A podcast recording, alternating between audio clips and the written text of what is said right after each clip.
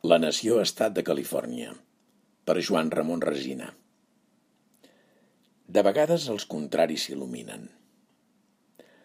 Les manifestacions de Gabriel Rufián contràries al nacionalisme van rebre una rèplica gairebé a l'acte quan Gavin Newsom declarà Califòrnia un estat-nació. Una rèplica interessant, aliena a la fatigada retòrica de declaracions i contradeclaracions en què consisteix la política catalana. Interessant perquè Newsom fa política i les seves paraules duen càrrega executiva. És veritat que Rufián dispara llocs comuns i que aquesta és la clau del seu èxit entre una determinada parròquia, però també de la seva limitació. Amb tot, de vegades fa com el llamp quan descarrega l'electricitat atmosfèrica i aclareix l'ambient. Es nota en el fet que ningú del seu partit no acostuma a desmentir-lo. La distinció entre independentisme i nacionalisme és un clàssic d'Esquerra Republicana de Catalunya. Al principi ho era, sobretot per una qüestió de marca, per distingir-se de Convergència i Unió, que pràcticament monopolitzava l'etiqueta. Però, d'ençà del tombant de segle, va començar a cercar raons ideològiques a remolc de Jürgen Habermas i alguns altres que vaticinaven la fi de les nacions. Llavors, el postnacionalisme semblava progressista, fins al punt que l'adoptà José María Aznar promovent allò del patriotisme constitucional, fins que el 2006 el seu partit va atemptar patriòticament contra la Constitució, i els que han vingut després d'ell l'han rebregada sense cap mirament. Com que els espanyols no tenen cap més model d'estat que l'absolutisme d'arrel castellana, s'enlluernen amb cada estrella que puja a l'horitzó polític i la imiten durant l'estona que dura la lluor. Espanya ha estat liberal i afrancesada al segle XIX, comunista, feixista i filonazi al segle XX, socialdemòcrata a cavall dels dos segles, vagament macrònica durant l'ascens del polític francès. I, darrerament, trampista. Però mai segones parts no foren bones. I els espanyols sempre acaben rendint-se a la realitat pròpia – exèrcit, guàrdia civil, escàndols de la cort, caciquisme al servei d'una oligarquia amb gran penetració territorial i un control ferri de l'opinió. Puix que a Espanya el nacionalisme no tenia res a veure amb la construcció de la unitat espanyola i era sinònim d'allò que se li resistia, la doctrina de Habermas era oli en un gresol i encara afegia una pàtina progressista a la política espanyola finissecular. Sols que les raons de Habermas eren diametralment oposades a les dels pols nacionalistes locals. Habermas, que en una conferència pronunciada a Stanford el novembre del 2007 es declarà hereu de la reeducació d'Alemanya pels Estats Units, temia el retorn del nacionalisme alemany amb la reunificació de les dues Alemanyes. El seu postnacionalisme era un rebuig d'aquell passat que, segons l'historiador Ernst Nolte, no volia acabar de passar. Per contra, a Espanya, el patriotisme constitucional sorgia com gairebé totes les polítiques des del segle XIX ençà, per por de la desunificació d'un estat mal engalzat i servia per reformar un passat que de cap manera no es volia que passés. Habermas mateix s'adonà prou aviat de la dificultat de legitimar l'Estat sense un rerefons cultural comú a la ciutadania. La prova la tenia al davant, en el projecte d'estat federal fallit que és la Unió Europea, malgrat els Erasmus i més esforços anèmics de sintetitzar una identitat europea passablement funcional. I mentre que alguns s'aplicaven a crear-la allà on no existia, uns altres – iniciaven un procés desidentificador i engegaven a rodar bagatge històric i cultural, començant per la llengua, en un esforç de reducció de la realitat a la mida estricta de la política. Així es progressava de la identitat a la independència, com anunciava un assaig de Xavier Robert de Ventós, contemporani de Habermas, sense saber-se ni preocupar-se de saber què era allò que volia esdevenir independent, i que Robert de Ventós, amb ironia característica, anomenava un opni, un objecte polític no identificat. El catalanisme, que havia començat a ser lingüístic i cultural abans d'esdevenir conscient de la nacionalitat, esdevenia independentista seguint la lògica interna del nacionalisme. Sols que, amb un masoquisme típicament català, començava independitzant-se no pas de l'estat espanyol, sinó d'ell mateix, menjant-se les pròpies entranyes i acabant declarant-se postcatalanista o directament no catalanista.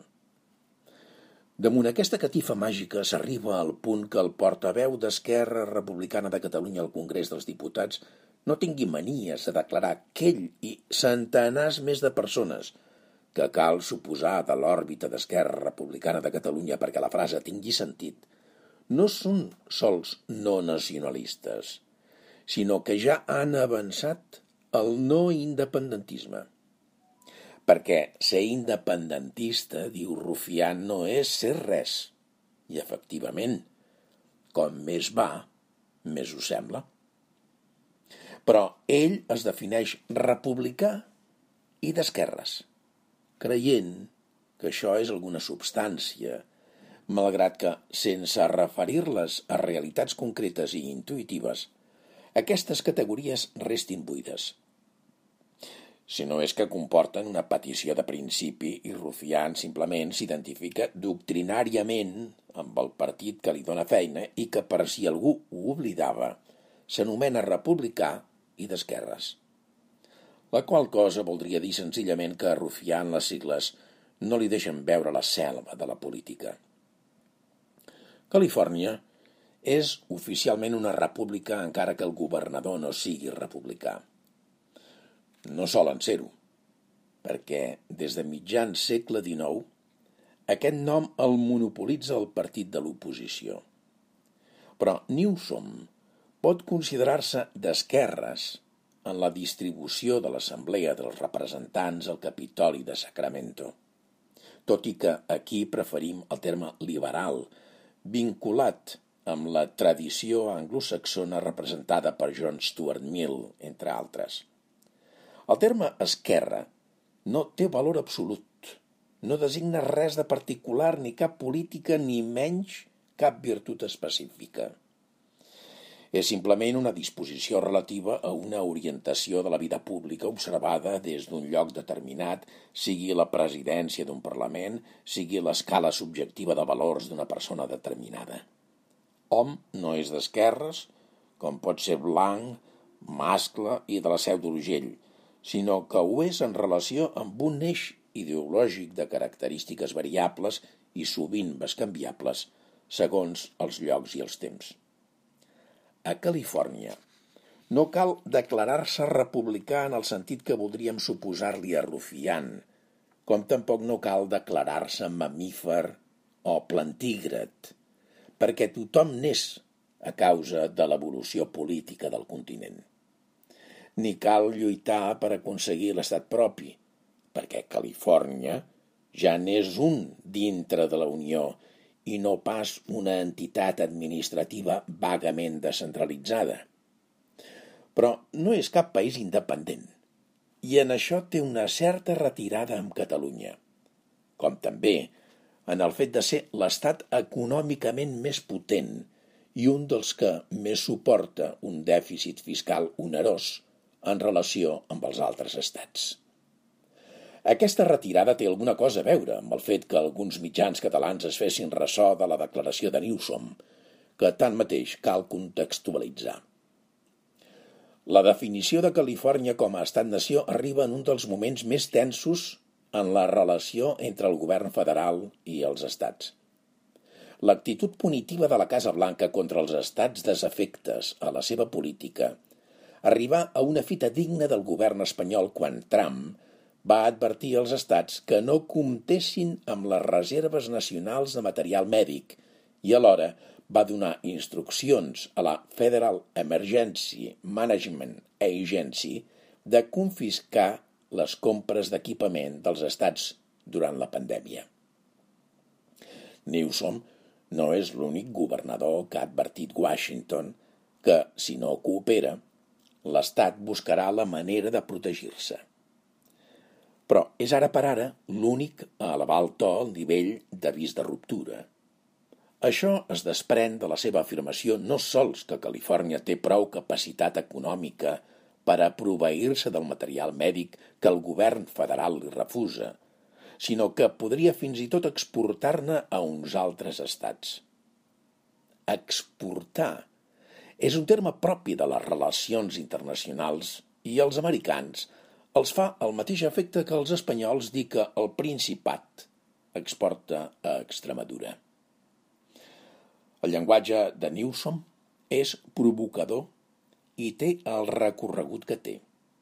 De moment, poc més que posar en guàrdia el govern federal sobre on pot portar la política de Trump d'hostilitzar els estats blaus, és a dir, els de tradició demòcrata, tres o quatre dels quals financen bona part de la resta, especialment els que voten en clau republicana. Contribuint el 15% de la renda de les persones físiques a la caixa comuna, Califòrnia té motius per exigir un tracte més respectuós. Però caracteritzar-la de nació és inversemblant, car les nacions històriques del seu territori han pràcticament desaparegut i allò que ha vingut després són superposicions humanes d'origen i caràcter diversos. Però Califòrnia encarna un model de societat igual o molt semblant a aquell a què aspira Catalunya. Amb una economia que equilibra una agricultura potent amb la tecnologia més avançada. El millor sistema públic d'educació superior suplementat amb universitats privades que ocupen sistemàticament els primers llocs del rànquing mundial.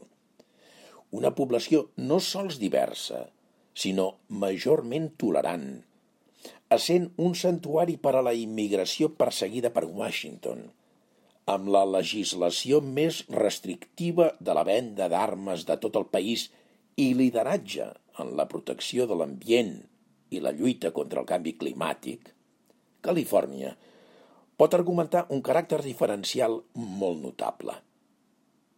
Però el caràcter nacional no pot reclamar-lo en cap sentit històricament plausible del terme nació. Tanmateix, aquest desplaçament semàntic no és cap inconvenient per a Newsom, car el seu objectiu era prevenir Trump, però també el Partit Demòcrata, excessivament complaent, sobre on pot portar l'actual deriva antidemocràtica del govern federal. En tot cas, la declaració nacionalista de Newsom té interès per al debat a Catalunya, car si els republicans catalans rebutgen la nació perquè aspiren a una república, els que ja tenen república consideren la nació imprescindible per a qualsevol pretensió d'independència.